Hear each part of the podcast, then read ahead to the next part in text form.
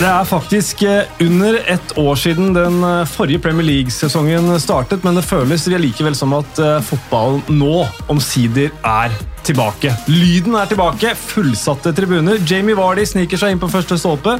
Salah skårer i serieåpningen. Rafa Benitez er sjef på Mercyside. Newcastles nummer ni skårer mål. Det er litt krangling foran Leeds Manchester United. Og jeg begynner å lure meg etter denne runden her, er det fortsatt VAR i Premier League? Alt virka å gå riktig vei denne runden her, sånn for den objektive og nøytrale tilskuer og fotballtilhenger. Erik Thorsvedt, Hei og hå. tilbake med et brak. Ja, det var, altså, det var en utrolig kul første runde, og det kommer til å huske aller best, det er publikumsbildene. Altså, Brentford, altså Tottenham Flagget er undervurdert. Gi 60 000 mennesker flagg og slipper de løs! ass. Det ser helt sykt ut. Nei, Det var enormt. Det var, eh, og, og fotballen var bra, og alt, alt falt på plass. Og du koste deg i studio. Virkelig. altså. Så det var eh, mer enn kunne håpe på. Og Så kommer vi få ræva 0-0-matcher denne sesongen òg, men, men dette var tilbake med et smell, og, og det er helt klokkeklart. Der ser vi hva publikum gjør. Denne edgen som lå over noen av disse matchene her, den, den får du ikke når ikke folk er til stede. altså. Lesberg og Sada, hjertelig velkommen Tusen hjertelig takk. hit og etter hvert til TV 2. Ja, takk. Jeg gleder meg masse. Det blir eh, utrolig kult. og det var jo ikke noe... Jeg gleder meg ikke noe mindre etter denne helgen her. Eh, Jeg skal innrømme at jeg har hatt et komplisert forhold, tror jeg, som mange andre, til fotballen det siste halvannet året.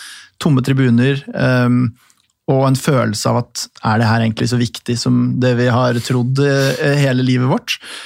Og den følelsen, Jeg fikk den litt i EM da jeg var rundt og reiste og, og, og opplevde fulle tribuner, men, men nå kjente jeg at som du sier, forrige Premier League-sesong var nesten litt sånn glemt, og plutselig så ser du denne 74-åringen som gråter over en Brentford-seier. Du ser eh, manageren eh, som, som klemmer en, eh, et barn med Downs syndrom. Du ser disse fantastiske bildene da, som var høydepunktet for meg. Jeg satt der på fredag kveld og kjente at hjertet banka for en kamp som jeg egentlig ikke har noe tilhørighet til. Ikke noe favorittlag, ingenting. Men jeg kjente bare hvorfor jeg har brukt så mye tid på dette her gjennom livet mitt allerede, og hvorfor jeg kommer til å fortsette å gjøre det. For det var, det var som å se lyset igjen, syns jeg. Det var helt fantastisk. Da, har- da kan vi stryke to av 20 lag som eh, favorittlagene dine. Så skal vi bare ta oss og choppe det ned i løpet av sendingen, så skal vi se hva vi lander på til slutt. Jeg har jo opplevd denne TV 2-cursen. Med en gang man kommer inn, så skal folk begynne å, å si at du er favoritt av det ene eller andre laget. Liverpool-fansen er overbevist om at jeg er Manchester United-supporter, av den logiske grunnen eh, at jeg bodde halvannet år i Manchester for å dekke en norsk manager i Premier League. Det, det er klart, Da er man jo selvfølgelig Manchester United-fan, mens Manchester United-fansen de syns det har vært såpass mye kritiske artikler om Solskjær og United eh, mens jeg var der, at de er sikre på at jeg er Liverpool-fan. Ja, og Den eneste som slipper helt unna med det, er Kasper. For Han holder med Norwich, det vet alle. og Det er liksom rent for å være såpass ufarlig at det er greit. Men hvis du holder på med, holder med noen av de andre lagene, så ligger det tynt an. Altså. Ja, ja. Nei, Jeg får jo flagge mine sympatier for Sunderland. Kanskje Newcastle-supporterne ikke liker det, men bortsett fra det så går jeg ganske klar, jeg også. Ja da, Eh, Du er farlig, du Men jeg jo eh, ikke, jeg skal, Uten sammenligning for øvrig, får vi si. Uh, hva, altså, hvor skal vi starte? Jeg tenker at Det eneste stedet vi ikke kommer til å starte, unnskyld alle Burnley-fans, er på Turf Moor. Det, det var ikke høydepunktet. Det var en fin kamp, det også, men vi starter ikke med Burnley-Brighton.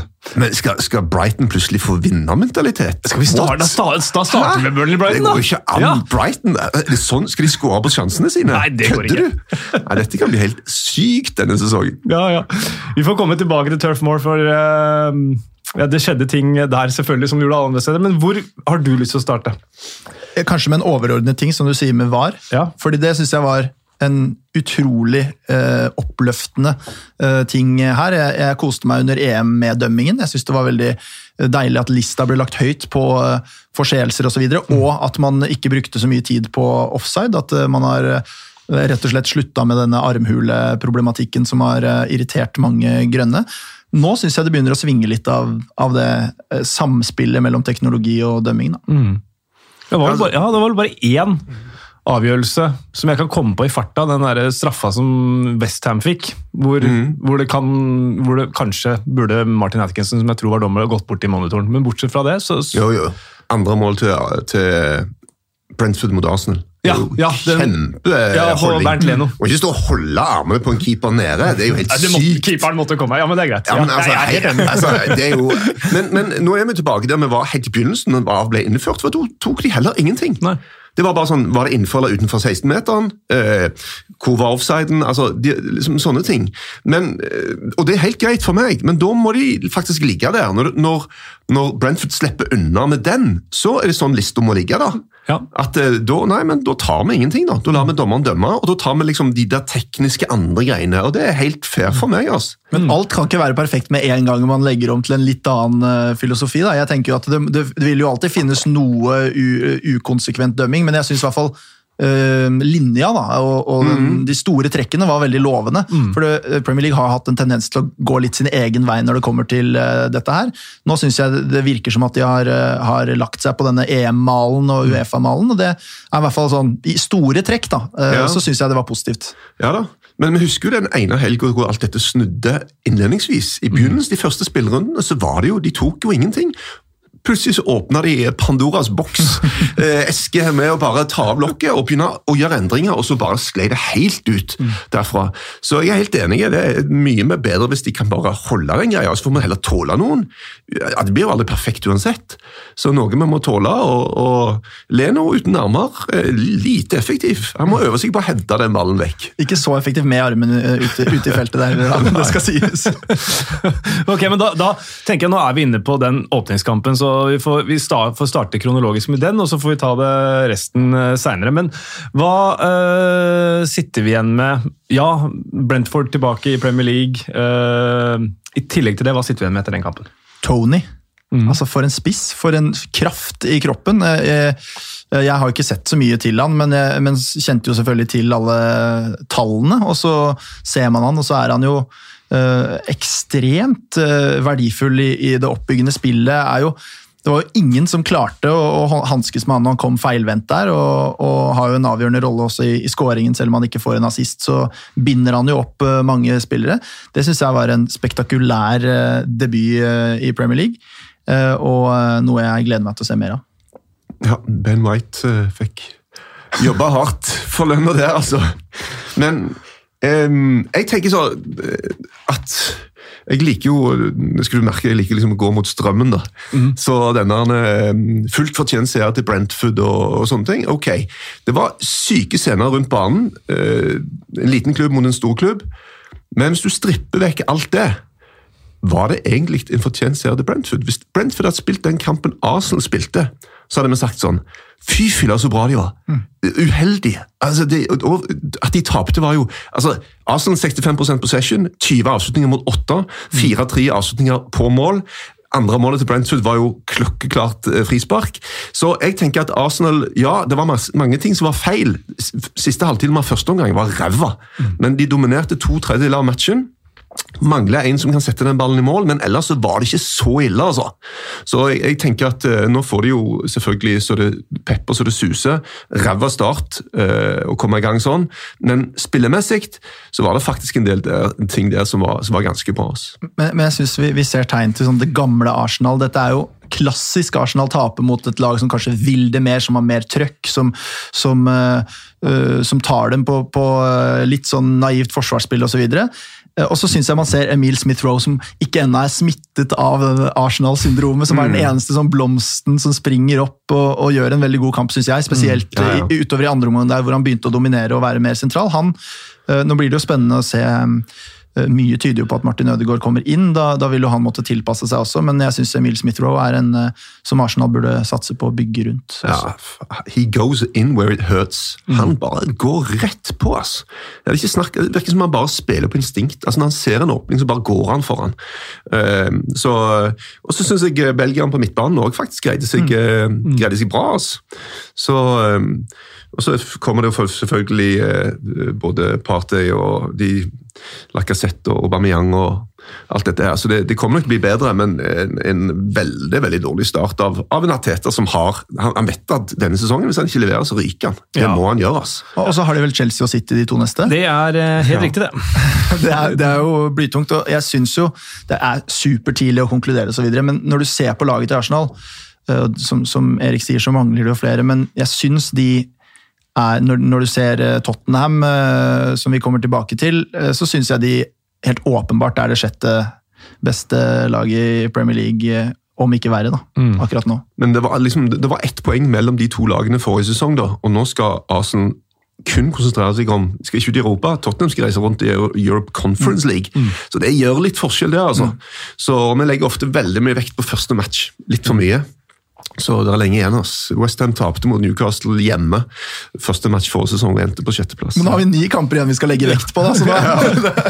Men eh, vet Noen ord om Kristoffer uh, Ayers uh, Premier League-debut. Uh, han kommer jo veldig bra fra det? Ja, absolutt. og det det er en kjempeovergang for ham. For hvis du blir kjøpt av Brentford, da vet du at de har så syke systemer på plass. Alt de gjør er så gjennomtenkt, gjennomanalysert, at du vet de har en plan. Du blir ikke kjøpt Eh, av en fyr som, eh, eh, som skal ha bredde i stallen. Nei. Eller en fyr som du vet, hvis han får sparken om to måneder, så er det ingen som vet hva som skjer med meg. De har en langsiktig plan, og det er en kjempe, kjempeovergang eh, for han. Også. Mm.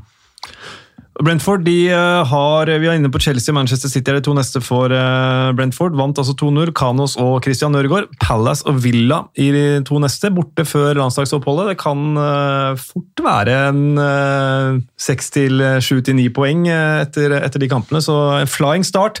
Og gøy! Og apropos det, Frank sa jo at bier de er jo ikke designa for å fly, men vi gjør det likevel. Et noe i den duren der. Så gøy å ha biene på plass. Uh, neste match Vi kan holde oss i, uh, på Nord-London-tema, da. Uh, Tottenham Hotspur Stadium har vært inne på flaggene. Manchester City på motsatt banedel. 1-0. Jung-Min Son etter 55 minutter. Det ble kampens eneste mål, og kampens store snakkis var jo selvfølgelig mannen som ikke var der. For ta, Bare ta det først. Harry Kane var den eneste av spillerne i England-troppen som ikke var på banen eller på benken for sin klubb. Og som Gary Neville var inne på, vi har mange kameraer. Vi prøvde å finne han, men vi fant han ikke. Så han mm. var antageligvis ikke der. Hva betyr det, hvis vi skal spekulere i 60 sekunder. Eh, det var 13 skudd i første omgang, ingen av dem på mål. Det var jo et tegn på to lag som spilte med falsk nier, både Son og, og City med Ferran eh, Torres. Eh, så åpenbart to lag som trenger Harry Kane. Men denne gangen, litt uventet, så så det ut som at det var Manchester City som trengte han mer enn det Tottenham gjorde. Mm. Og jeg tror, for å være helt ærlig, at med de pengene som Tottenham i så fall får for Harry Kane, så kan de bygge det der til et veldig bra lag hvis Nuno, som allerede har satt sitt preg på det laget der med Eh, fysikk. De har åpenbart trent godt, og de så godt organisert ut eh, og kompakte i banen og nekta jo City å, å spille på sine styrker. Så tror jeg de kan eh, være mye bedre enn det man forventer. Mm. Mens Manchester City helt åpenbart trenger en spiss. Ja, Det er det jo ingen tvil om at de gjør. og Det er litt sånn spekulasjon om at han skal gå neste sommer, da, men da er han jo plutselig 29, mm. og City trenger jo den spissen nå, ikke bare neste sommer. Så Ferran Torres som spiss nei, han er en god spiller, undervurdert spiller, men passer best når han får komme inn fra kant. Eh, men det er bare én mann som bestemmer absolutt alt. Danny Levy. Han tommel opp eller tommel ned. Han som styrer absolutt alt. Og Det er veldig vanskelig å vite hvordan han Han, han driter i hvert fall i Harry Kane personlig. Mm. Det gjør han. Altså, han har, koster ikke en kalori å bare si nei, du blir her, ferdig med den saken. Så eh, det blir spennende å se. Jeg tipper han han blir, og, og, kanskje at personligheten hans jobber litt mot han, for han kommer til å være proff når det kommer til stykket. Ja. Så langt så har han gjort seg vanskelig, men hvis han blir tvunget til å bli, så, så, er han så opptatt av rekorder og hvor mange mål han skårer, at han kommer til å gønne på oss. Han har liksom gjort det litt, han får nesten litt sånn straff for sin egen personlighet der, fordi han har prøvd å være litt kynisk og gå litt hardt ut, og så trekker han seg litt i mm, forsøket og kommer med en liksom forsonende pressemelding, og så kommer han ikke på kamp. og så er Det det, det blir jo litt lite gjennomført. da. Mm.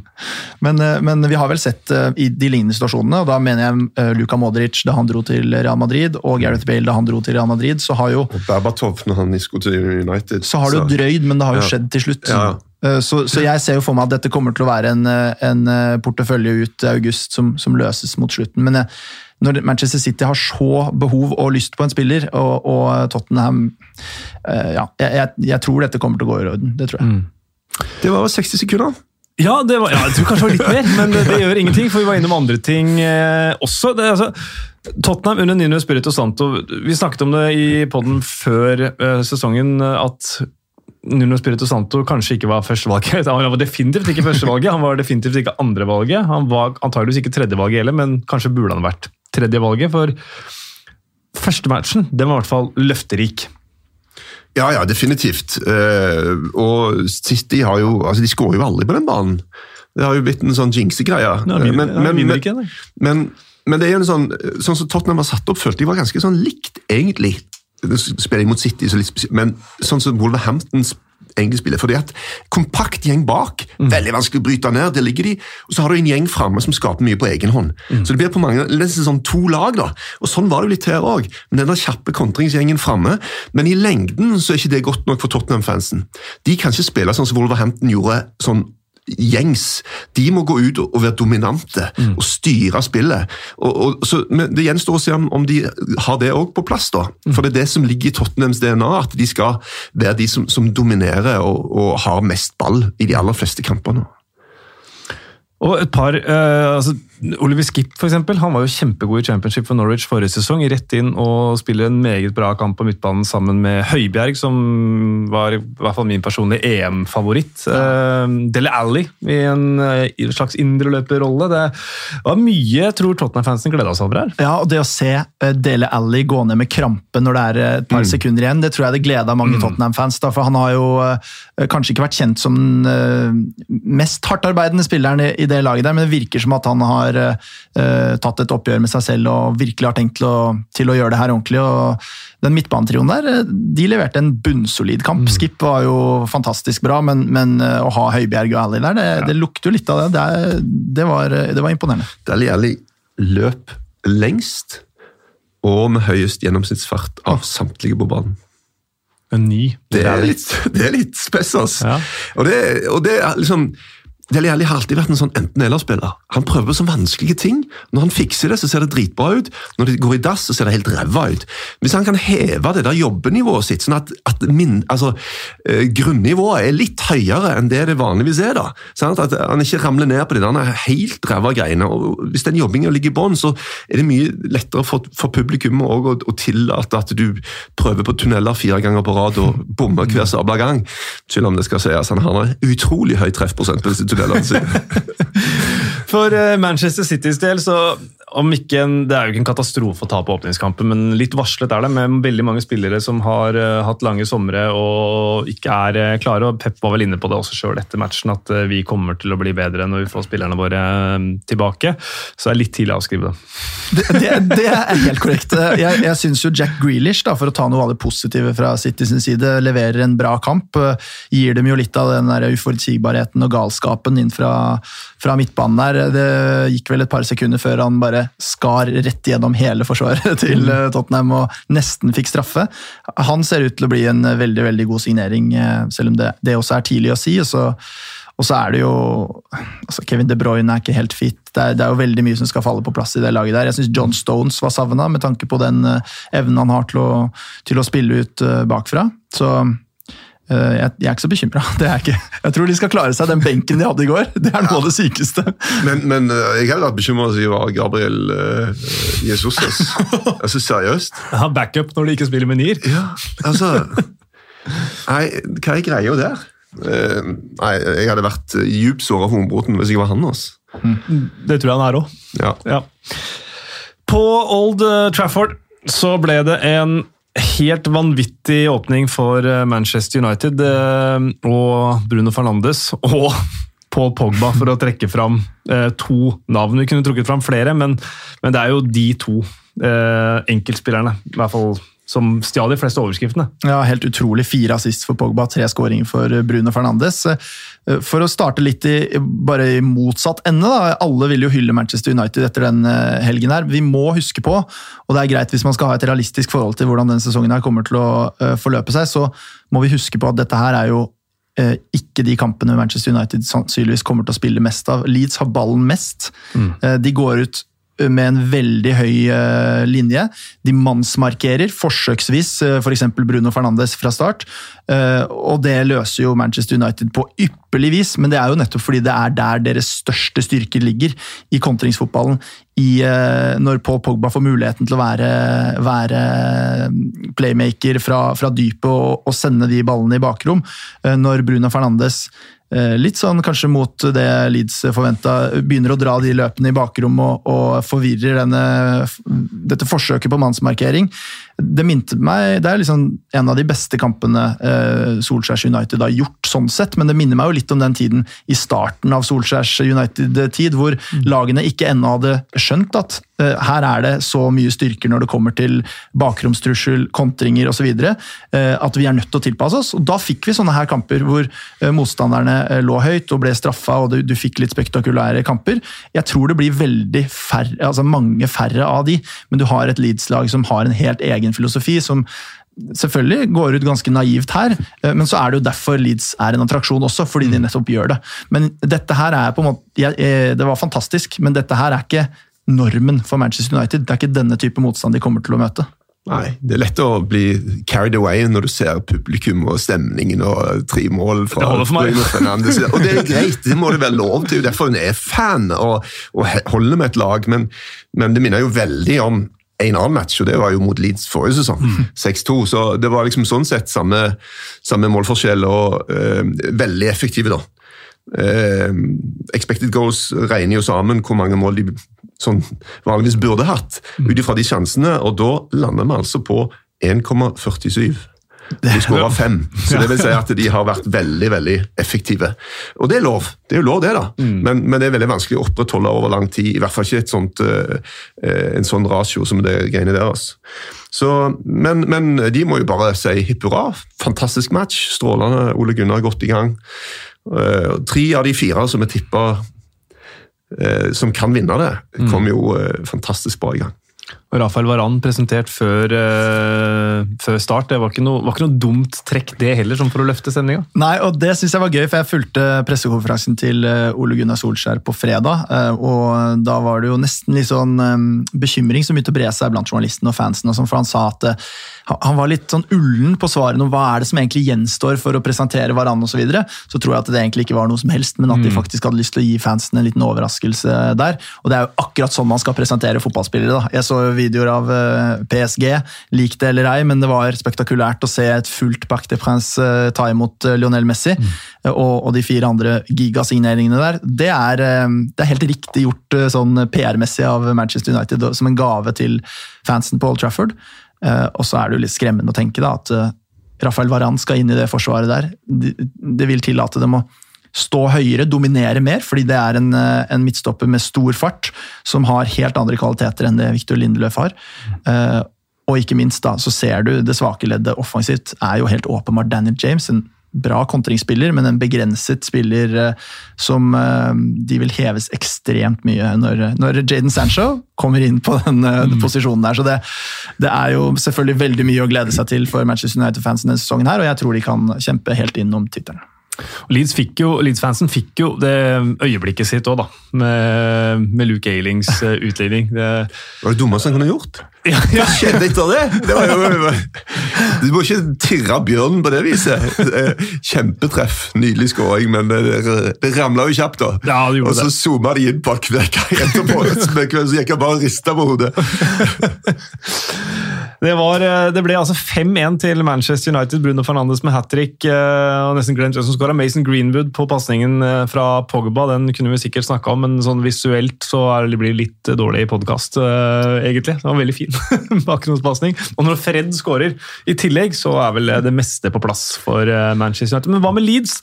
Bielsa fant ikke så mye positivt, men er det her noe de bare rister av seg og kjører på igjen mot Everton neste gang? Ja, de, de, er, de, er, ikke lite tro til den filosofien der. De kommer ikke til å endre det pga. dette. Og så må vi huske på at Calvin Phillips ikke, ikke er med fra start her, og, og, kanskje viser hvor viktig han er ved å ja, glimre i sitt fravær, som man sier. Mm. Mm. Men vi hadde jo tabelltips eh, her en dag i forrige uke, og liksom tenkte etterpå hm, var vi litt for positive i forhold til Leeds. For det er liksom litt med Bielsa, og vi syns det er så kult. og liksom Fanga inn litt sånn stemning når det gjelder Leeds. da, Men det kan jo være at det er et slags second season syndrome for de òg. Og de er jo fortsatt en gjeng med med championship-spillere, eh, og veldig mye, da. Mm. Så eh, jeg er litt usikker på hvor liksom, platået deres er. Hvor stanger de hodet i, i taket og ser at eh, det, vi kommer ikke mer lenger enn dette. Kan de forbedre posisjonen fra i fjor, eller kan de kanskje til og med heller gå andre vei? Jeg er veldig sånn usikker på hvordan det kommer til å være, men de sprang seg i hvert fall ikke senk forrige sesong, som mange trodde. De ble faktisk bedre på slutten av sesongen og avslutta veldig veldig sterkt. Også Kristoffer Claesson sitter på benken i Premier League for Leeds. og ser eh, konkurrenten slippe inn eh, fem mål. Jeg tror ikke han mister plassen med det første, men det er ganske spektakulært og litt underkommunisert, syns jeg, hvor, mm. hvor, vanvittig det er at Kristoffer Claesson, mm. pga. sin spesielle stil, distribusjonen med, med, beina, den offensive stilen han har i hodet, som også um, har som pris at han gjør noen feil, men som har gjort at han har dukka opp høyt oppe på radaren til, eh, mm. til, Leeds når de eh, bruker sine systemer til å finne en Bielsa-keeper. Eh, så er han altså hentet inn. Og han er andrekeeper! Han er mm. andrekeeper mm. i Leeds i Premier League. Ja. Og det er, skal ikke mer enn en skade til eller en forferdelig periode for, for førstevalget før han plutselig er førstevalget i Premier League. Jeg synes det er, ja. det er men, men han, han, fikk lov til, han gjorde en del feil forrige sesong òg, Melier. Ja, men, men han, de lar han spille. og mm de har jo en stil òg der du må være utrolig kald i skallen. Mm. For av og til så kommer jo motspillere inn, de stormer mot deg, du står med ballen i beina på fem meter, og du må bare holde hodet virkelig virkelig kaldt. Altså, men tenk å ha ei keepergruppe som er altså Tredjekeeperen er 19, mm. og så er det 20, og så er det 21. Mm. Det er keepergruppa. Det er helt insane. Eh, ganske sykt, ass. Så eh, nesten sånn skrekkblanda imponert av at de, de tør, ass. Ja, Keepertreneren er vel 35 også, så Ja, ikke sant. Og det, det som er, Melier kom jo inn på det Leeds-laget da Kiko Kasia ble suspendert, eh, var det vel, og da, da sto han resten, da, selv om mm. Kasia var jo førstevalget den sesongen, men så var han borte. og det, det, altså Noe lignende kan jo skje hvis Melier blir skada og Claesson får sju kamper og gjør det ok, så kan han fortsatt være førstekeeper. Ja, det er vanvittig, og, og Claesson var da Leeds Dette snakket eh, CEO-en i Leeds om nylig, at da de hentet uh, Melier, så var Claesson likt rangert når det kom til mm. prioriteter osv. Og, så og så var det vanskelig å forhandle med Vålerenga på den tiden, så det, de backa ut mye tidligere i prosessen enn det de gjorde nå. Mm. Men det, det sier jo litt om hvor høyt ansett han er der. Da. Og det, det, er, det, er, ikke ofte vi ser rett fra Eliteserien. Mm. Nei, Jeg var veldig overraskende overgang for meg. Må jeg ja. tatt innom at Jeg så ikke den komme, men desto kulere. Det er en unik sjanse for han. Eh, og det er sånn, Hvis du havner inn i det målet eh, på en eller annen måte og spiller bra, så står du jo der, ja. basically. Så eh, det er fantastisk.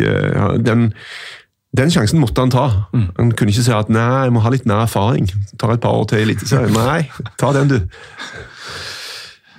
I, um, I, Norwich så var Liverpool på besøk, så det ble samme premieren på en måte som for Norwich i, tilbake i Premier League som det var for et par år siden. Det gikk som det gjorde den gang, med tap. Liverpool vinner 3-0. Skåring ved Diogo Shota, Roberto Firmino og selvfølgelig Mohammed Salah, som nå har skåra i fem seriepremierer på rad. Eh, så han har vel aldri spilt en seriepremiere i Premier League uten å skåre mål. Eh, det gikk jo som det måtte gå, tenker jeg.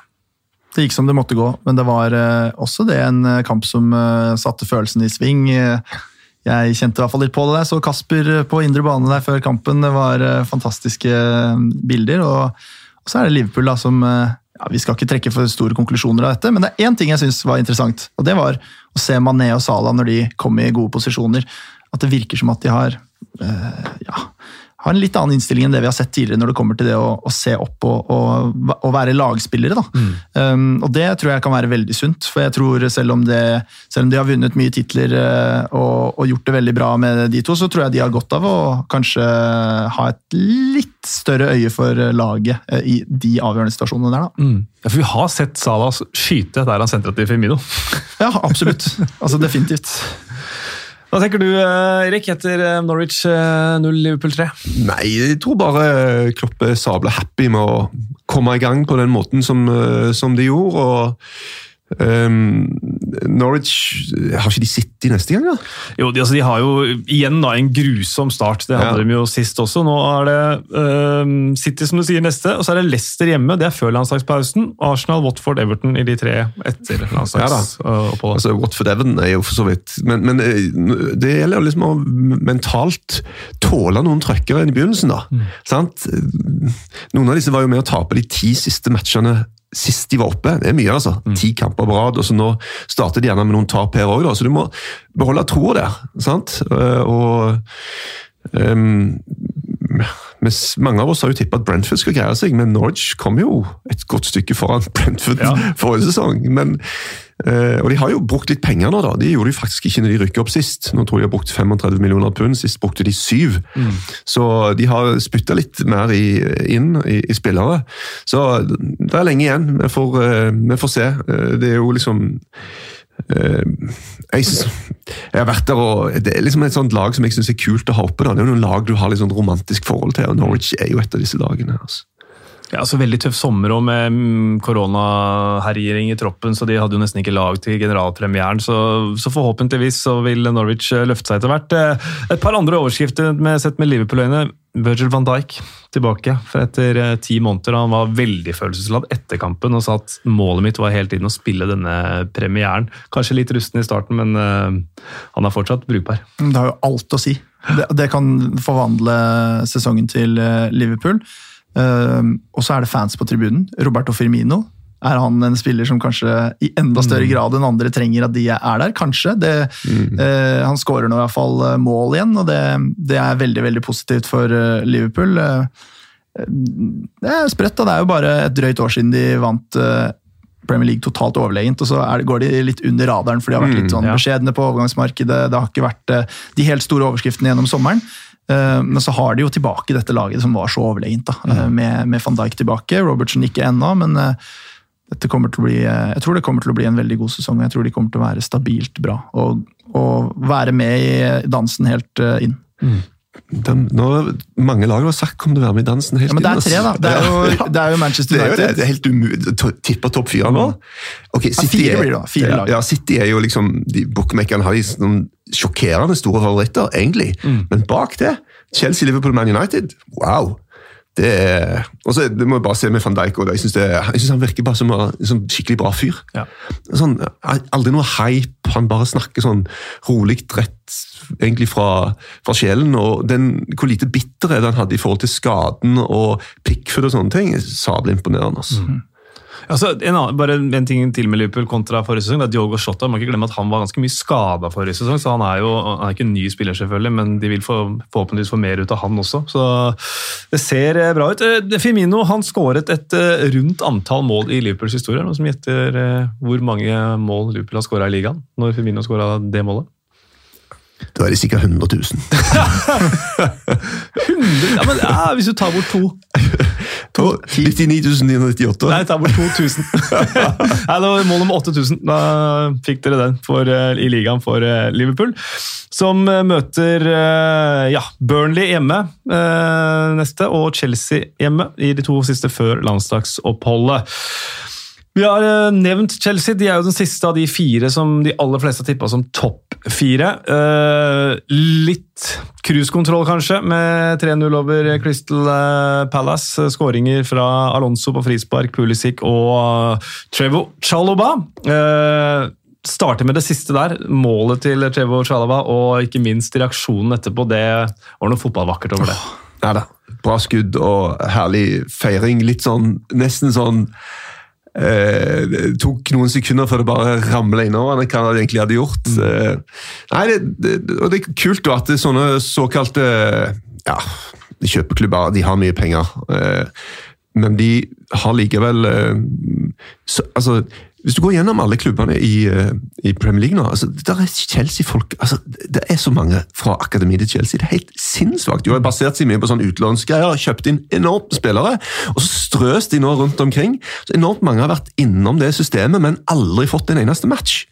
Og så ser vi at han kanskje kan greie å ta det der steget. da. Og Til og med broren har jo vært Jeg leste en sånn intervju med jeg tror det var Troy Dini for noen sesonger siden om hvem som hadde best skills. da, Hvem var egentlig den beste på, på Watford. Og Han sa jo mm, Nathaniel, er det det? Ja, Nathaniel. Chaluba. Som, eh, som eh, Men han eh, Akkurat nå er det Boren som er kommet lengst. Ja, og det var noe deilig over den reaksjonen også, fordi jeg føler det er sånn det ville føltes for oss lekfolk å plutselig bare score i Premier League. altså Ja. oppfylle drømmen, så er det litt sånn, du, du så at alt bare rakna litt for han. At han ja. bare, Er dette her en drøm, eller hva, hva er det som skjer? Han ble mo i knærne. Og, og det, var fantastisk. Jeg tar det ti av ti ganger foran en sånn eh, planlagt eh, dans Ja, eller ja, feiring. ja, ja. eller et eller annet sånt. Det var helt rått. Men, men du hadde satt den litt høyere opp, hadde du ikke det? Jo. Litt nærmere krysset, Jo, jeg syns sannsynligvis. det. det er, du, og du hadde tatt den der, så jeg måtte Nei, han gikk ned på kne og gråt, som han sa eh, selv. Altså, herlig også å se lagkameratene som skjønner akkurat hvor mye det betyr. For han har jo, har jo sett Mason Mount, Tammy Abraham, Reece James, altså akademikompisene komme og få sjansen, og så kommer han litt ut av ingenting. Altså, eh, for de som ikke følger Chelsea og akademiet der eh, tett. Altså, det var en, eh, en nydelig historie der. og For en mann som ikke spilte, må jo nevne det òg, Romelu Lukaku er klar for Chelsea. Og du sa at Erik, at City var uforholdsmessig store favoritter. Den oddsen har nok antageligvis krympet nå, vil jeg tro, med Lukaku på plass i Chelsea. Ja, for det er det en spiller som du tenker ett lag trenger, da. Er det en brikke som mangler, så er det jo en sånn type spiller på Chelsea. Altså, vi skal ikke gi opp Timo Werner, da, for han skårer jo så enormt mye mål i Tyskland. Men det har jo vært et eller annet her som har vært litt sånn urytmisk og bomma på store sjanser og akkurat litt i offside og eh, masse greier. Og har vært prega av det, har det virka sånn mentalt. da. Så, og Han kan jo spille rundt og til venstre. Han kan, de har altså så mange folk som kan serve Lukaku. Han, eh, så blir det spennende å se da, eh, om han, hvem får ta straffer. For Han tok jo straffene nå i Inter, for jeg sa vel på en eller annen TV-greie om at uh, han kan bli toppskårer i Premier League selv om han ikke tar straffene. For Jorginho er jo ganske innarbeida med hoppet sitt, men har han fått i kontrakten sin at han skal ta straffene? Det gjør han jo mye større sjanse for å bli toppskårer. da. Og øh, apropos Timo Werner, jeg, syns for øvrig han var frisk. øh, Og spilte med en selvtillit som man kanskje ikke har sånn grunn til å ha med tanke på skåringer, men, men jeg syns han var mer instinktiv og mm, kvikkere og mer sånn fri for øh, det litt sånn forknyttet som vi så utover i sesongen i fjor. Og så har han også påpekt selv da, at da han øh, bøtta inn mål i, i Tyskland, så spilte han jo ofte med en større, sterkere spiss som Ja. bandt opp spillere, hvor han kunne sirkle litt rundt og bruke farta si osv. Det kan være gode nyheter. Det er ikke, jeg tror ikke dette er Chelsea som gir opp Timo Werner. Det tror jeg på ingen måte. Nei, nei, nei som sagt, han har jo bøtt innfor, men han har faktisk ikke toppklasseteknikk. Mm. Altså, Timo Werner har ikke Han er kjapp og det er så mange bra ting, men han, han har ikke den der han er syke teknikken som mange av disse andre spillerne har. Mm. Det er jo skremmende å se det der Chelsea-laget. altså Christian Pulisic, som eh, er en så bra spiller. Som, han er jo ikke selvskreven i elveren engang. Du har, de har altså et sånn Kai Havertz, som kom utover i sesongen i fjor som et godstog, kommer til å bli enda bedre denne sesongen her. Eh, Og, og Kanté spilte Han er vel ikke Han gjorde vel det? Nei, han spilte ikke i går. Eller på lørdag. Nei, han spilte ikke. Og fikk en liten skade i supercupen. Mm. Så, så det er så mye i det laget der, så det er skremmende at de skal ha, ha Romelu Lukaku. Det syns jeg, det synes jeg er spennende. Eh, For øvrig en ting som vi kan være kjapt innom da, når det kommer til spissene til disse topplagene. Chelsea henter Lukaku nå, fordi de kanskje ikke klarte å få Erling Haaland. Manchester City henter Harry Kane. Hva har det å si, tror dere, da, for eh, Haaland, som sannsynligvis da blir denne sesongen i Dortmund? Men da er det jo plutselig bare ett lag igjen da, i England som er Manchester United, som ikke har hentet den nye nummer én-spissen. Eh, Kan du hente Erling Haaland sommeren etter at du henter Lukaku eller Kane? Er det mulig? Mm. I konkurranse mot de andre, for dette er jo en spiss som er nødt til å være førstevalg der hvor han hentes. Er det, eller er det da Real Madrid eller Barcelona? Det, Ja, men altså, det er jo Cavani er jo, Men de har jo ganske mange som kan spille spiss i eh, United. da. De har Ja. altså Rashford, Martial, Greenwood. Alle de kan jo spille spiss. Greenwood tenker jeg jo egentlig er en spiss. Eh, Men eh, eh, Men lukter det ikke Real Madrid lang vei, da? Benzema har jo en enorm standing der, men og har gjort det fantastisk også de siste sesongene, men han, han blir jo eldre, han òg. Så kommer det bare an på finansene, tror jeg. Hvor mye greier de å, å rette opp økonomien på den det året som nå kommer, da, til neste sommer. For det er jo da det skjer. Ja. Og Selv om man har en relativt lav utkjøpsklausul, så stanser det ikke der. Det var noen som mente det var billigere å kjøpe Newcastle fotballklubb enn å kjøpe Erling Braut Haaland. Ja, Solskjær fikk for øvrig spørsmål om Greenwood på pressekonferansen etterpå. Er det liksom dette du ser han som spiss? Og, så videre? og så sa han uh, Har jeg sagt at jeg vil at han skal være spiss, sa, svarte Mm. Solskjær litt sånn uh, kryptisk til reporteren. Og, og det syns jeg vi så tegn til at de, de bytter jo veldig mye posisjoner. Dette er jo snakk om en dynamisk trio på topp uh, etter hvert her. Kanskje litt inspirert av 2007-2008-sesongen med TVs og Rooney osv., som, som utgjorde en veldig sånn um, hvor, hvor posisjonene ikke var så faste. Jeg kan se for meg at Greenwood, Sancho og Rashford eh, vokser seg til en sånn eh, en trio som blir vanskelig å, å hanskes med, og vite helt hvor du har, har hvem. da. Eh, Det er eh, Hvor Haaland havner, det tror jeg vi får svaret på om et år. Eh, Det kan også avhenge av Mbappé. Han er vel noe ønsket i Real Madrid, så vi får se om de kan kjøpe begge de to. Det, det, får, det får vi ta en annen gang, for vi, vi må jo også Vi kan ikke forbigå Crystal Palace i stillhet heller. De stilte riktignok ikke så veldig opp på Stamford Bridge, det var det egentlig forventa. Vieira i sjefsstolen. Tapte aldri for Chelsea som spiller, gjør det umiddelbart som trener. Ingen overraskelse, det sa vel etter kampen at de fortsatt er på jakt etter spillere. Ti mann har, bør de være. ja, ja, for de har mista ti mann med nesten 1000 matcher til sammen. Eh, bare Mark fra, som henta fra Chelsea, som starta. Conor Gallagher kunne jo ikke spille i og med at han var på lån fra nettopp Chelsea. Uh, Patrick Vieira var trener i NIS og fikk ikke fullføre sesongen sist der. Eh, hvordan kjenner du han som trener? Det er jo en trener som har egentlig ehm, blitt skolert etter Manchester City-skolen eh, i New York og osv., som kanskje folk så for seg kunne gå inn i den rollen. Så gikk han ut av det for å begynne å trene i, i Frankrike, eh, i et NIS-lag som hadde helt sånn sjokkerende eh, svake skåringstall. De hadde en sesong med jeg tror det var 32 eh, mål skåret i ligaen. De havna jo på 7. og 8. plass, som er helt greit for eh, NIS i de to, første, de to hele sesongene han fikk. Eh, og var blant lagene som hadde mest ball. Og, men eh, jeg skjønner lite av hele den overgangen der. Jeg har veldig lite tro på det, fordi Vieira er en trener som åpenbart har lyst til at lagene hans skal han snakker om det som offensiv fotball, men det det egentlig er, er ballbesittende. Og mm. ut fra bevisene til nå, veldig tannløs fotball.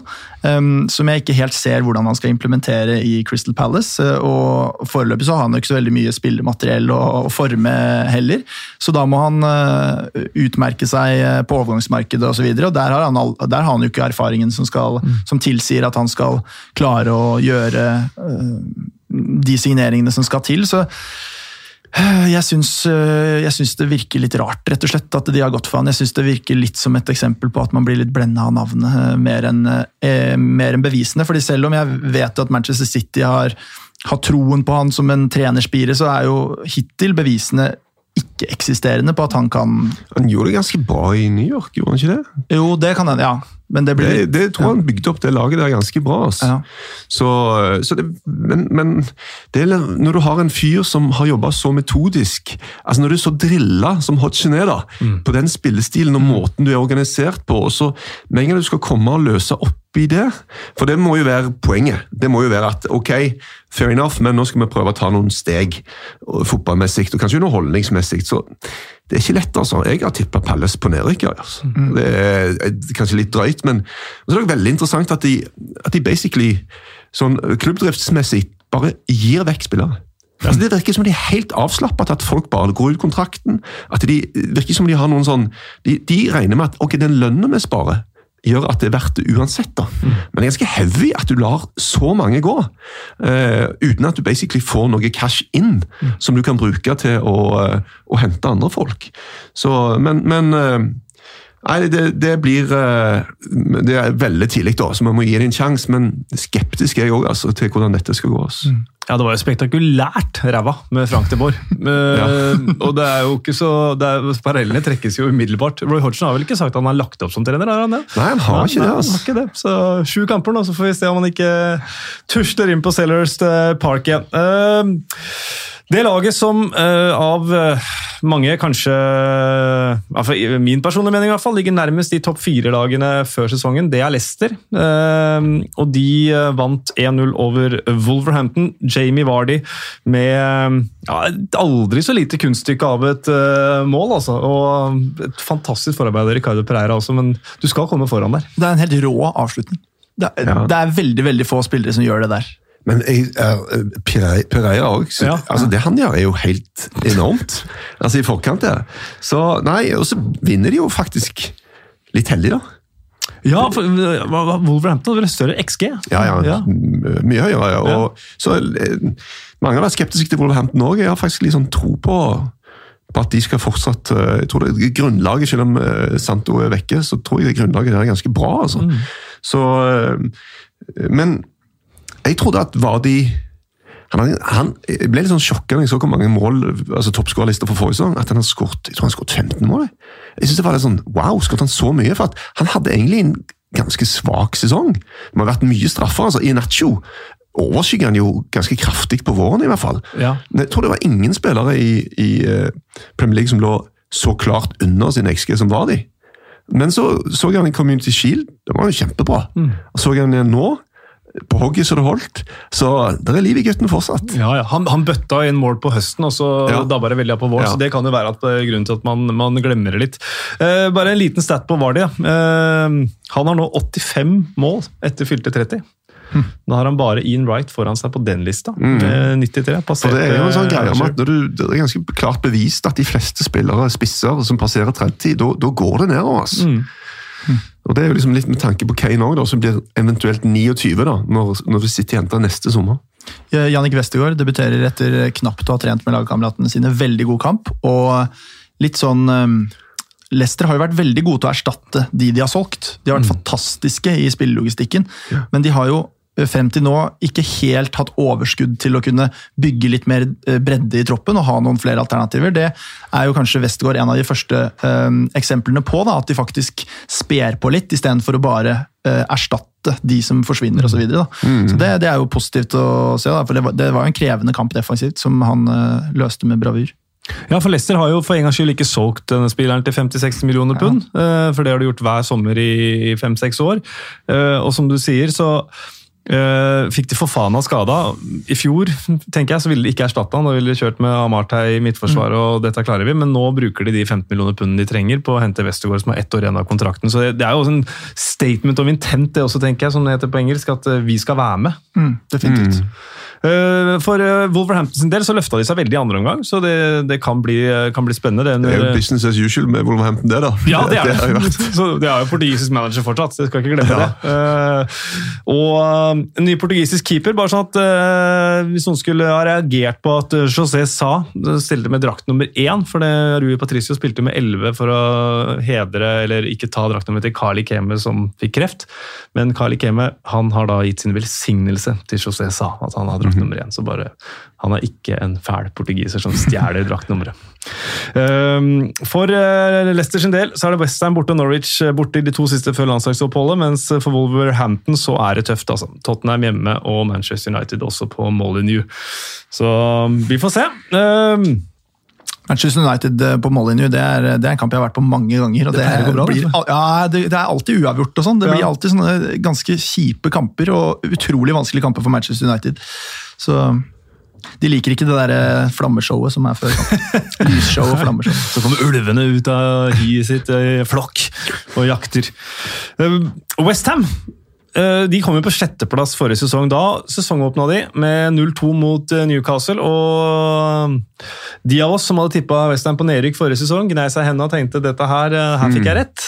Så feil kan man ta. Det så bra ut for Newcastle innledningsvis også. Tok ledelsen ved Callum Wilson med drakt nummer ni på ryggen. Cresswell utlignet før Murphy sendte Newcastle tilbake i ledelsen før en andreomgang hvor Westham bare hamra løs og, og vant. Men for en fotballkamp dette her var! Helt sykt. Jeg satt og tenkte underveis ok, det legger kanskje lista lavt, men jeg tenkte sånn, dette må være topp 100 av de kampene jeg har sett gjennom mitt liv. i hvert fall, tenkte jeg. Det, det tror jeg det var. Mm. Men uh, og, og, liksom atmosfære, begge lag Det var liksom og og Westham Jeg har liksom vært klokkeklar på at sjetteplass, the only way is down. Mm. Men de var gode, altså. De er et godt lag. De er solide. De har bra spillere over hele fjøla.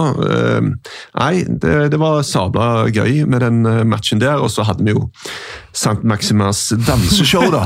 som ble behørig dekket i TV2 Studio. Brukte fire minutter på de der fintene der før ja. vi kom oss videre. Så, men, men det er jo en gøyal spiller, da. Ja, fytti rakkeren for en gøyal spiller. Ja, for en attraksjon. Han har, han har, blitt alt det jeg drømte om da, da, han kom fra Frankrike. Jeg trodde han var litt uh, short uh, mentalt og kanskje ikke helt kom til å få det til, men det har vært en attraksjon. Jeg så han for første gang da han var 16 år i Saint Etienne. Um, og Da var jeg tilfeldigvis på stadion der òg, og det var bare sånn Ok, hva er dette her? Det var litt den der følelsen man hadde sånn tidlig Mbappé, men så bare slukna det helt. Og så har han kommet som en sånn Det, det er som å bare plukke en fyr fra gata uh, som dribler og spiller nærmest på beachfotball og har en helt sånn uanfektet stil, og så bare putte han inn i Premier League-sirkuset. og Det er så deilig at det fortsatt er mulig. At man ikke må være så strømlinjeforma som ja. spiller, og at han har klart den overgangen å kombinere det, det syns jeg er helt fantastisk. Jeg altså, elsker det. Ja, Umåtelig populær i Newcastle også, for måten å holde på på sosiale medier og utenom banen. og Veldig sånn i kontakt med, med fansen der. Eh. Men, men, eh, high maintenance er et uttrykk som ja. ofte blir uh, brukt om noen mennesker, og han er high maintenance.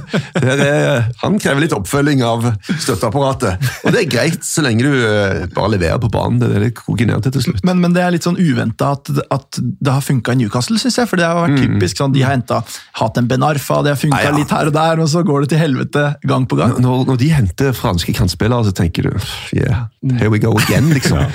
uh, så faller det bare på plass. Det gikk bra med Dijonola back in the day.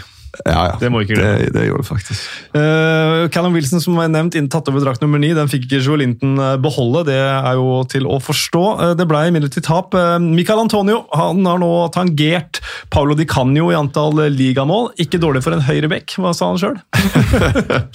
ja, han er ganske funny, altså. Ja, det er fin. Han er en nydelig type, det også.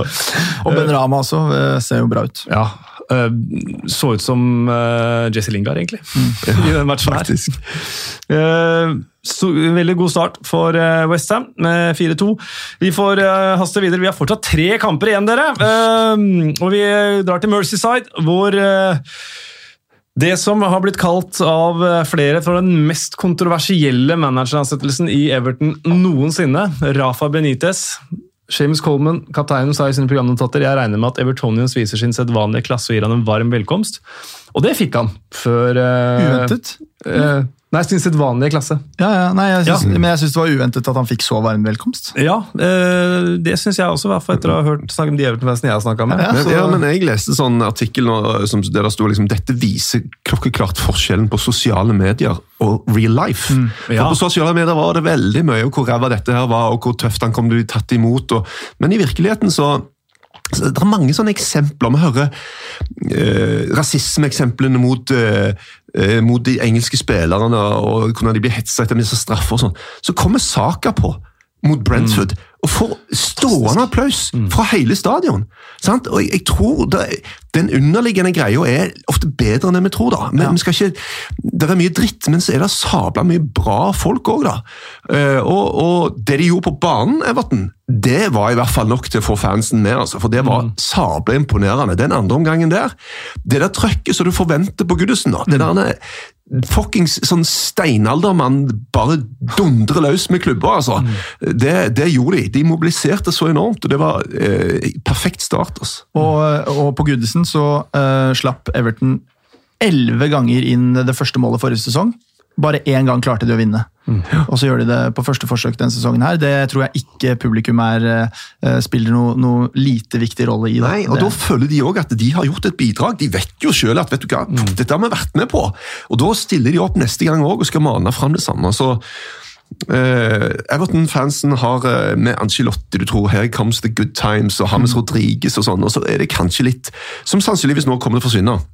Ja. De har jo store financial fair play-problemer i, i, Everton. De er nødt til å gjøre et eller annet. Og eh, Selv om den, de reglene har blitt slakka ganske kraftig på under korona, så mm. sliter de likevel. Så jeg kan ikke se at han kommer til å være der uh, utover høsten. Altså, han tror jeg uh, kommer til å forsvinne. Han spilte jo ikke nå fordi han var i, i selvisolering pga. covid, eller om han har covid, det vet vi ikke. og Det, var fem, det gjaldt fire andre spillere også. Hvem, det vet vi ikke. Jeg merka meg at Ben Godfrey ikke var med, så kanskje han er en av dem, uten at vi trenger å gå noe dypere inn i det. Men det ble jo en, en, en drømmestart egentlig for Benitez, for en førsteomgang som var helt ok tidvis, pyton ellers. Mm. kjempefeil av Michael Keane, og så får man snudd det.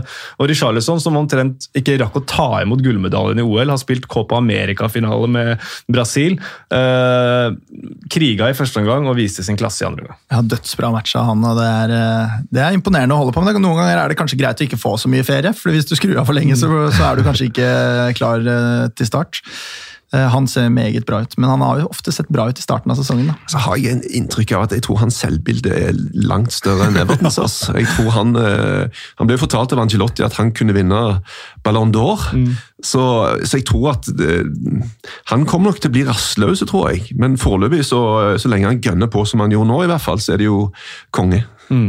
Og så eh, benytter jeg anledningen til for andre gang å trekke frem en nordmann, da, Mohammed Elionossi, Ja. som faktisk er på benken til Southampton. Får jo riktignok ikke spilletid, men, um, men det som sies, er at han, eh, i hvert fall planen til Southampton og hans innstilling er å uh, gi det en sjanse i Premier League. og forutsetningene er i hvert fall bedre nå enn de har vært før. fordi han kom jo inn og skulle være en nøkkelspiller. Slet mye med skade for første gang i karrieren. Altså Han fikk jo strekk under oppvarmingen på Old Trafford da han skulle starte mot Manchester United, annet. Så det var mye som gikk imot han da. Og så kom jo Ralf Hasenhyttel og skulle begynne å spille eh, med Trebekslinje, og hvor han da på en måte passa inn i systemet som en slags spiss og så videre, som han aldri har spilt, spilt før. Nå er det 4-2-2-2 eller 4-4-2, og, og de har kanter som er samme rolle som han har på landslaget osv. Det kan, eh, kan jo i hvert fall være ja, det, det blir i hvert fall spennende å følge om han får muligheten, for der også er det kort vei inn til en startplass hvis du leverer. Og, og kort vei under streken, tenker jeg. Ja, det ser tynt ut nå. Jeg frykter for det laget der. Det er bra for uh, Moi, men, uh, men uh, misse de spillerne de nå har gjort, uten å få uh, erstatta det skikkelig, det kan bli tungt. Ja, og Hasnutel var jo før matchen snakka om topp ti-plassering, hva må kunne være målet for denne sesongen. Og, og få motstanderen, eh, fansen, motstanderfansen litt mot dem hvis vi hadde en god førstegang. Det klarte de jo. Adam Armstrong er jo alene hjemme. Og, alene hjemme, sier jeg. Han var nesten alene hjemme. på Home alone. Home alone. Og viste at det gro godt eh, i Newcastle. Han uh, klinka den ballen opp i krysset, men det holdt ikke. og mm, Vi var inne på det i tabelltipset. Sunderland, nei, Southamptons overlevelse det står og faller på at Ward Prowse blir værende, tror jeg. Ja, det tror jeg det ser skummelt ut. Jeg må bare si at jeg synes det der målet som Southampton skår er så sabla undervurdert. Vi skal liksom plukke ut rundens mål og sånn, og det er ikke nærheten. Han er jo alene med keeper, men han setter han så sykt i krysset, og det ser så fint ut! Det er bare så klasse at jeg tenker wow. Ja, det var enormt. Ja, Det var en, eh, en, en grei måte å introdusere seg for Premier League igjen på det for Armstrong, som hadde noen kamper for en fem-seks år siden eh, i Newcastle-drakta, men nå er han eh, nummer ni og førstevalg i Southampton. Eh, Det var for Ducoré og Calvert Lewin som skåret eh, 3-2-1 og 3-1. Um, Vi har to matcher igjen. Watford, Aston Villa. Aston Villa som jo uh, har solgt Grealish, selvfølgelig. Erstattet han med tre eh, spillere. Og apropos tre, fikk tre i trynet av eh, Watford, som dundra ut med gladlaksen Shisco Munoz som eh, manager. For en mann! For en liten, herlig liten gutt, holdt jeg på å si. Ja, kontrast. Det, det var ikke nedlatende. Det var veldig nedlatende, men han ser ut som en herlig liten Ja, ja, gutt. Hvis du klapper ham på hodet Ja, ja, ja, jeg får lyst til det. Jeg får lyst til det. Men god timing å møte Aston Villa på. da. De er jo i en eh, overgangsfase med å, å tilpasse seg livet uten Jack Grealish, som var eh, fus i alt og helt hærfører der. Så, sånn sett så, så tror jeg det eh, var god timing for, mm. for eh, Watford. Og Jeg tror Cleverly er inne på noe når han sier at eh, Matt Target er ikke den eneste som skal få slite med Ismael Azar denne sesongen. her. Nei. Nei, det var jo liksom uh, Vi snakker om Sander Berge, som fortsatt er i Sheffield United. Du tenker hm, hva skjer der? Men du ser at gode spillere som Serr og sånn, de, de må være med ned. For det, Ja. det kommer ikke bud egentlig som er bra nok. og Så er han tilbake med et smell og minner oss på hva vi har mista i, i Premier League så lenge. for Herregud, ass. Han er en god spiller. ass. Og han har levert i championship òg. Ja, ja, ja. Jeg tror han har spilt Spilte han ikke omtrent absolutt alt som Ja, bra? jeg tror han omtrent rubla rake. Ja. Ja, så eh, Nei, det er meget bra start for, for Watford. Og så hadde Kasper er klokkeglad på at Buendia er en uh, forsterkning i, for, uh, for, Villa i forhold til Grealish. Og har statsen som backer det opp, faktisk. Men, uh, men gjenstår litt, da. Men vi fikk jo noen gode innhopp fra, på Villa, i hvert fall. Mm. Han Leon Bailey ja. kom jo inn og var god. Traoré også. Ja. Mm. Så det er bra folk. Så mangler de, mangler de Ollie Watkins, eh, som var veldig viktig for dem forrige sesong ja. også. Uh, så får vi gi Buendia litt mer enn én uh, match før vi, vi, river han ned. Men, men Aston Villa, de, altså, der er jo presset er jo på. Er forventer at de skal ta steg. og Ellevteplass forrige sesong det er ikke godt nok denne sesongen. og Da er det en tung start å tape for et nyopprykka lag. Ja, definitivt, men, men, som sagt så det, det, er ikke bare bare å, å erstatte Grealish, særlig ikke når du gjør det med å hente litt flere spillere som skal inn i, inn i det der. Så jeg tror det, de ser jo bra ut, da. Altså, mm. De ser jo ut som de har uh, material til å gjøre en ålreit sesong. i hvert fall. Ja, fordi, ja, for jeg bare ta det helt avslutningsvis med, på denne kampen. Her, for de har, de har, jo sagt at han, Christian Pershaw sa jo at vi, vi erstatter Grealish med tre spillere, men det er jo ikke praktisk mulig når kampen skal spilles. Det er korrekt. Det, ja, jeg, jeg, jeg, tror, jeg, tror de har gjort gode kjøp. altså. Ja. Jeg tror Når vi regner sammen på slutten av sesongen, så tror jeg vi ser at de spillerne der har, har bidratt. selv om ja. Vi må jo bare si det så det er. Du tenker jeg husker, det var jo sånn jeg var ute på, eh, på gamle White Hart Lane og leverte denne klassiske som jeg hadde lest en eller annen plass eh, når de solgte Gareth Bale. da, Solgte Elvis og kjøpte Beatles. Ja. Til stor jubel fra fansen, men det viser seg jo ikke helt uh, slå til. da. For 50% av alle overganger er faktisk mislykka. Ja. Sånn er det bare. Det er ikke så lett. Noen ganger er det sånn at du til og med regner som mislykka fordi at en eller annen fyr på laget har spilt så sabla bra at han ikke kommer inn. Mm. Så da er det på en måte et mislykka kjøp, men mm. totalsummen blir jo på en måte på plussida mm. uansett, pga. laget sine prestasjoner. Så mm. det der er, det er risikosport, rett og slett, å handle spillere. Du vet aldri. Vi får uh, nevne Joshua King òg, i og med at vi har vært inne på de norske uh, spillerne i de troppene vi har vært innom. Uh, ikke involvert i denne matchen. og ja, Det kan se ut som at veien inn på det laget der er ganske lang. altså. Men nå var det en liten skade, da. så nå, ja. nå var det heldigvis ikke, Han er ikke vraka, heldigvis. Men Nei. Eh, det er en mann som har hatt en tung tid bak seg i, i, noen år nå. altså. Mm. og så får vi håpe at det endelig klaffer, for han er jeg, jeg, siste, noen av de siste minnene jeg har av Joshua King, er noen av disse kampene mot Spania og Sverige for landslaget, og sånn, hvor han har en helt sånn Eh, internasjonal eh, fysikk og, og eh, trøkk i seg, som vi ikke har fått sett på veldig lenge.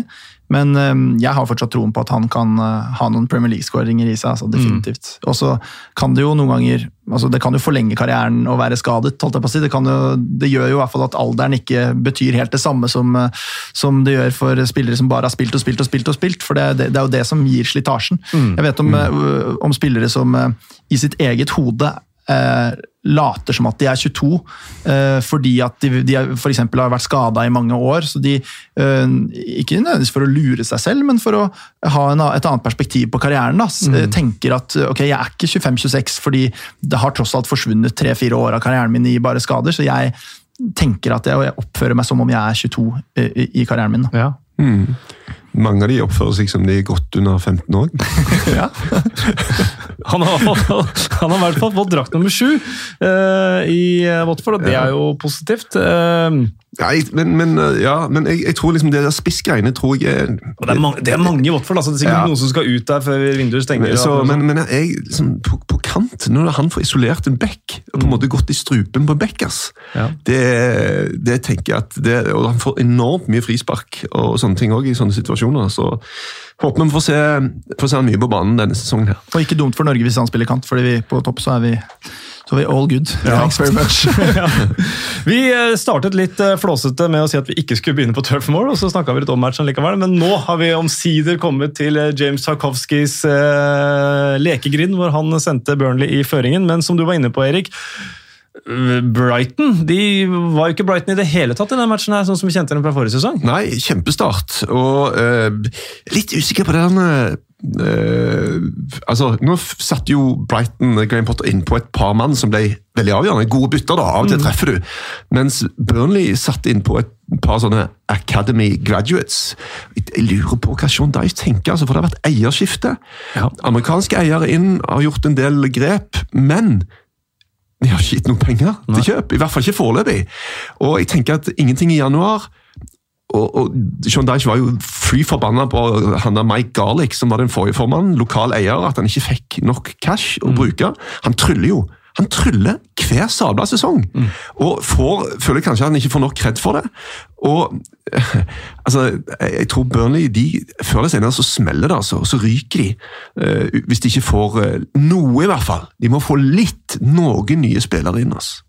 Ja, Nathan Collins er det eneste som er henta for penger. Wayne Hennessy, sånn typisk Burnley-overgang, henta som andre-tredje tredjekeeper. ja. ja. Og det er vel han, eh, Vår venn midtstopperen for Stoke der er vel også en sånn backup i utgangspunktet. Ja, men Tarkovskij er ett år igjen av kontrakten, så han kommer jo til å forlate klubben. Men, Ja. det er som du er inne på, men Sean Dyche har også bare ett år igjen av kontrakten, og det er det mest stillevarslende. Så Ja. litt sånn make or break for, eh, for Burnley denne sesongen der. Eh, Markus på Twitter sier Maxwell Cornet til Burnley må snakkes opp. Hvordan skal han passe inn i både by og lag? Eh, Lyon Wingbeck, vel? Ja, Wing, altså- Wing Wingbeck? Ja, han spilte jo spiss før. Dette var jo, av, var jo spådd som eh, en ny i rekken av Benzema, Lacassette eh, osv. osv. fra det beryktede Lyon-akademiet. Eh, hadde jo fantastiske matcher mot Manchester City. Vel skårte tre mål på to kamper mot, City, hvis jeg ikke tar helt feil, da de slo dem ut fra, fra mm, Champions League. Er jo en, eh, men han var spiss og har da blitt Først ble han kant, og så, så nå har han blitt wingback. og eh, Det tror jeg kan være en spennende signering, definitivt. Mm.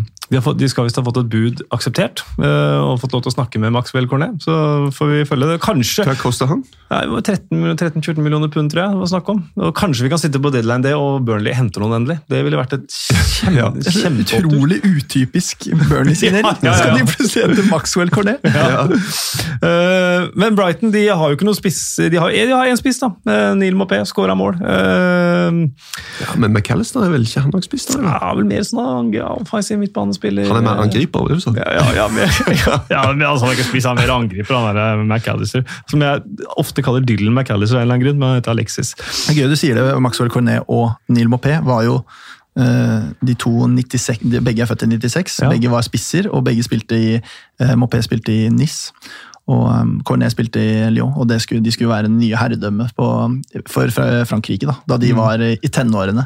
Eh, han ene har jo blitt en bra Premier League-spiss, Ja. han andre har blitt uh, wingback. Og kan bli, Og kan bli, Kan bli- Burnley-spiller. kan bli venstrebekk. Utfordret til Charlie Taylor på venstrebekken. Eh, Det er altså, med all respekt, det er ikke verdensherredømme. Det er ikke sikkert han skal spille back i så fall. Da. Altså, da, eh, hvis I en sånn eh, Burnley-formasjon så er jeg litt usikker på om det er der han skal spille. Ja, Det kan vel fort være kant. Det kan det, altså. eh, En backup for Gudmundsson. De traff jo stolpen og tverrleggeren og Burnley da, på stillingen Mm. 1-0, det skal sies. Så, Ja. så det var jo veldig omvendt Brighton som form. Men ingen uavgjorte kamper, da har vi vært gjennom alle sammen. Vi har, om ikke rast, så kommet oss gjennom alle matchene. Vi skal avslutte med de faste spaltene som seg hør og bør. Det var moro å se på. Morata var kjempegod. Hva i all verden? Er. Han snakka om seg sjæl, han snakka om dommeren. Ok, vi, eh, vi får vente med nye spalter til eh, kanskje neste uke. Så det var eh, foreslått eh, rundens sentrallinje, blant annet. Det syns jeg er et godt forslag. Men hvis vi hvis vi kan begynne med øyeblikket, da.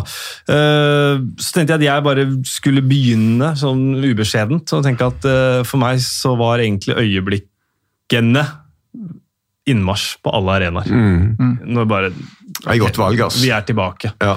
Publikum er tilbake. Bruset, brølet, i alle falsetter og Du må velge ett av en av disse innmarsjene. Nei, nei, bare. Ja, da velger jeg Everton Southampton, for det var den jeg kommenterte. Um, nei, det, det er mitt eh, forslag. Jeg ser Herads tweet, som man kaller seg på Twitter, mente Shaloba når publikum roper 'shoot', og han skyter. Det er jo fint, det òg. Er det noen andre forslag til øyeblikk? Mitt blir nok, uh, om ikke innmarsj, så utmarsj, eller feiringen til eh, Brentford foran egne fans. Mm. For første gang i Premier League, og med tårer på en 74 år gammel mann der. Og, nei, det var, som jeg nevnte i starten, det syns jeg var helt magisk å se på. Mm. Ja. Nei, det er nok å ta av, men vi, vi beveger oss jo fort rundt på tribunen her. Ja. Det, for det var enormt, altså. Det var helt ekstremt, og det, det minte meg om hvorfor vi syns dette er så sabla fantastisk. da. Ja. For det der fossefallet vi har hatt gående nå i halvannet år i bakgrunnen der. Eh, fair enough, men ikke det samme som det vi fikk nå. Nei. Kaktus, da? Noen som eh, Nei, vi tar det til slutt. Eh, Blomst først. Blomst. Eh, Rundens blomst. eh, Noe som fortjener litt ekstra heder og honnør. Jeg likte Ivan Tony. Ja, da. Jeg synes han var eh, det, i hvert fall det, det kuleste bekjentskapet jeg stiftet i løpet av helgen, så jeg vil, jeg vil nevne han. Og selv om jeg har slakta håndteringen av uh, Lenos uh, armholdingsgreier, at han ble armene, holdt armene mot Brentford, der, så vil jeg si kanskje vi skal gi det til noen eller, sånn offisielle her og si at vet du hva, det er bra at de har evnen til å ta til seg læring. Og den justeringen av VAR, hvis det er den lista de legger seg på, kjempefint. Ja, Helt for- bra. Ja, for det har vært mye kaktuser de siste Ja, to det åra. Ja. på VAR. Så og Det kommer til å komme kontroverser og rare situasjoner denne sesongen òg. Det blir aldri perfekt, men jeg tror alle er enige om at vi syns det er bedre sånn Ja. enn det andre greiene. Den ukjente helten er en som uh, popper litt opp fra ingensteds, og, eller ikke har stjålet de største overskriftene tidligere. Da vil jeg si Skip, kanskje. da. Ja. Eh, han er ikke helt ukjent, selvfølgelig, Nei. men det er ingen i Premier League. Nei. så det, det blir litt vanskelig å finne en helt ukjent. Men jeg syns han var fantastisk mot Manchester City. En krevende oppgave som han løste med bravur. Eh, men er han, han må jo være ukjent, han òg. Ja, Altså, eh, Skip var jo på sesongens lag i Championship, tror jeg, forrige Ja. sesong. Men ja, men det blir sånne, da. Ja. Er det noen andre i den kategorien? Jo, vår venn på, på Watford, da, som har vært i klubben, egentlig klubbens eiendom i fire år uten å få ett eneste minutt på banen. Ja, så kommer han innpå- Ja, så skårer han etter 50 sekunder. Ja. Det er også, eh, Nei, det er noen av den, den gjengen der, denne, denne runden. Shalaba han var jo med liksom å vinne supercupen. Altså, han fikk jo på en måte, han har vært ukjent helt i supercupen. Eh, egen pod der, så kanskje der. Eh, ja, hvis jeg må være tungen på vektskålen, eh, så, så støtter jeg Oliver Skip eh, som ukjent helt. Kaktusa, det er, altså, Når runden har vært så gøy og så mye bra, så er det jo synes jeg, utfordrende å finne noe som har vært sånn utpreget negativt. Eh, men eh, jeg vet ikke om dere har noen, noen tanker? Ja, enig. Det, er litt urettferdig mot han, men eh, jeg lot meg irritere litt av eh, Jeg leste Sean Wright Phillips før runden, som snakket om at han mente at Ben White var en bedre signering enn Rafael Varan. Og Det er greit å mene det, men eh, argumentasjonen hans var at Ben White eh, liksom, proven in the prem og de, de klisjeene der, Ja, ja. som jeg syns er en helt utrolig enkel uh, logikk, da. eh, som, som jeg i hvert fall uh, syns blir litt, um, litt for simpelt når man skal argumentere for noe sånt. Det er kult å ha et uh, kontroversielt standpunkt, men da må du backe det opp med en form for altså Vis meg gjerne en analyse hvor, hvor man ser at Ben White passer perfekt inn i Arsenal, mens Rafael sånn og sånn og sånn. Gjør gjerne det, og men det. Det det er ikke det som er problemet, men at han er proven in the prem, og at Rafael Varan kommer inn med masse press. Det er litt press når du vinner VM med Frankrike, eller når du vinner Champions League eh, fire ganger med Real Madrid, og det er et brukbart nivå også, så jeg tror ikke nødvendigvis eh, det. Og i forlengelsen av det, da, så syns jeg at Ben White kanskje ikke hadde verdens eh, beste debut for Arsenal i Premier League. For det der var, det var um, svakt på ganske mange områder, både i duellspillet på det innkastet som kommer der, og, og i en del én-mot-én-situasjoner eh, langs bakken. Så eh, Ben White får kaktusen fra meg. litt sånn, Det er egentlig Sean Wright Phillips som får den, men Ben White i forlengelsen av det. Erik, hva Ja. tenker du? Nei, altså, det, men det er jo litt klassisk. da. Det er jo masse av disse gamle greiene her som lever øh, i, i altså, old school tenking. Det finnes det jo masse av. Ehm, og jeg kan være med på Men jeg syns Sean White Phillips egentlig burde hatt det. Ja. Fått den, for Ben White har ikke gjort noe annet galt enn egentlig bare å spille en dårlig match mot en fyr som Eh, eh, ja, han eh, kommer mange til å slite med. Altså. Jeg synes Det er utrolig kult når du er så bra med ryggen mot mål, og skårer så mye mål i tillegg. Altså, Det er full pakke, altså. Da blir det, en, da blir vel eh, Sean Wright Phillips, da. Uh, slash den, Ben, eh, ben, ben Det er liksom, den, er- er på sida, altså. Ja, ja, ja, ja. Liksom, er, vi er langt ute på sidelinja nå. jeg, jeg tror jeg ligger tynt an i forhold til å få noen kaktuser i forhold til hva jeg har lirt av meg i løpet av noen sesonger. Ja, League-studio. det uh... Det, det går rykter om, da, det, dette er jo sagt på Talksport, det går jo rykter om at det fins sånne manus på Talksport bare fordi de, de, vil jo, de vil jo piske opp stemningen, de vil Ja. jo skaffe seg overskrifter i tabloidene, og dette blir jo alltid plukka opp. så det, det det er jo ikke sikkert det er han nødvendigvis som har kommet Kanskje han bare har fått servert denne meningen som Ja. han måtte stå for. Ja, det, det, det er Espen som skriver mitt manus. Så det er skyld- på meg. Det, den, den skulle han ta. Vi skal ta to kjappe vi nå. Og da skal dere bare svare umiddelbart. Ikke tenke dere om. Hva skuffa deg mest i Premier League-åpningen?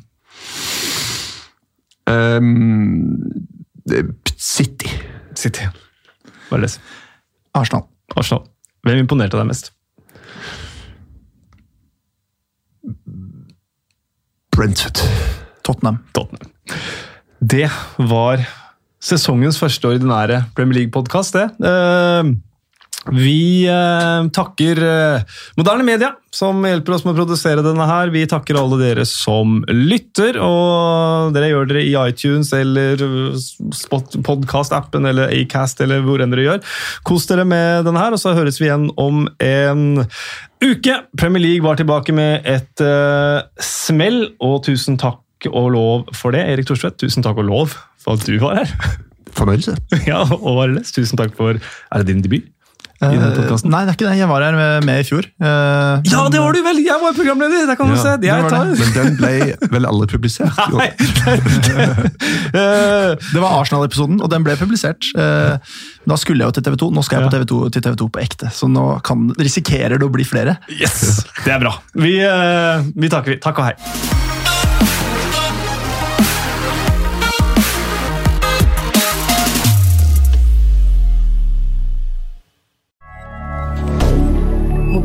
milliardaire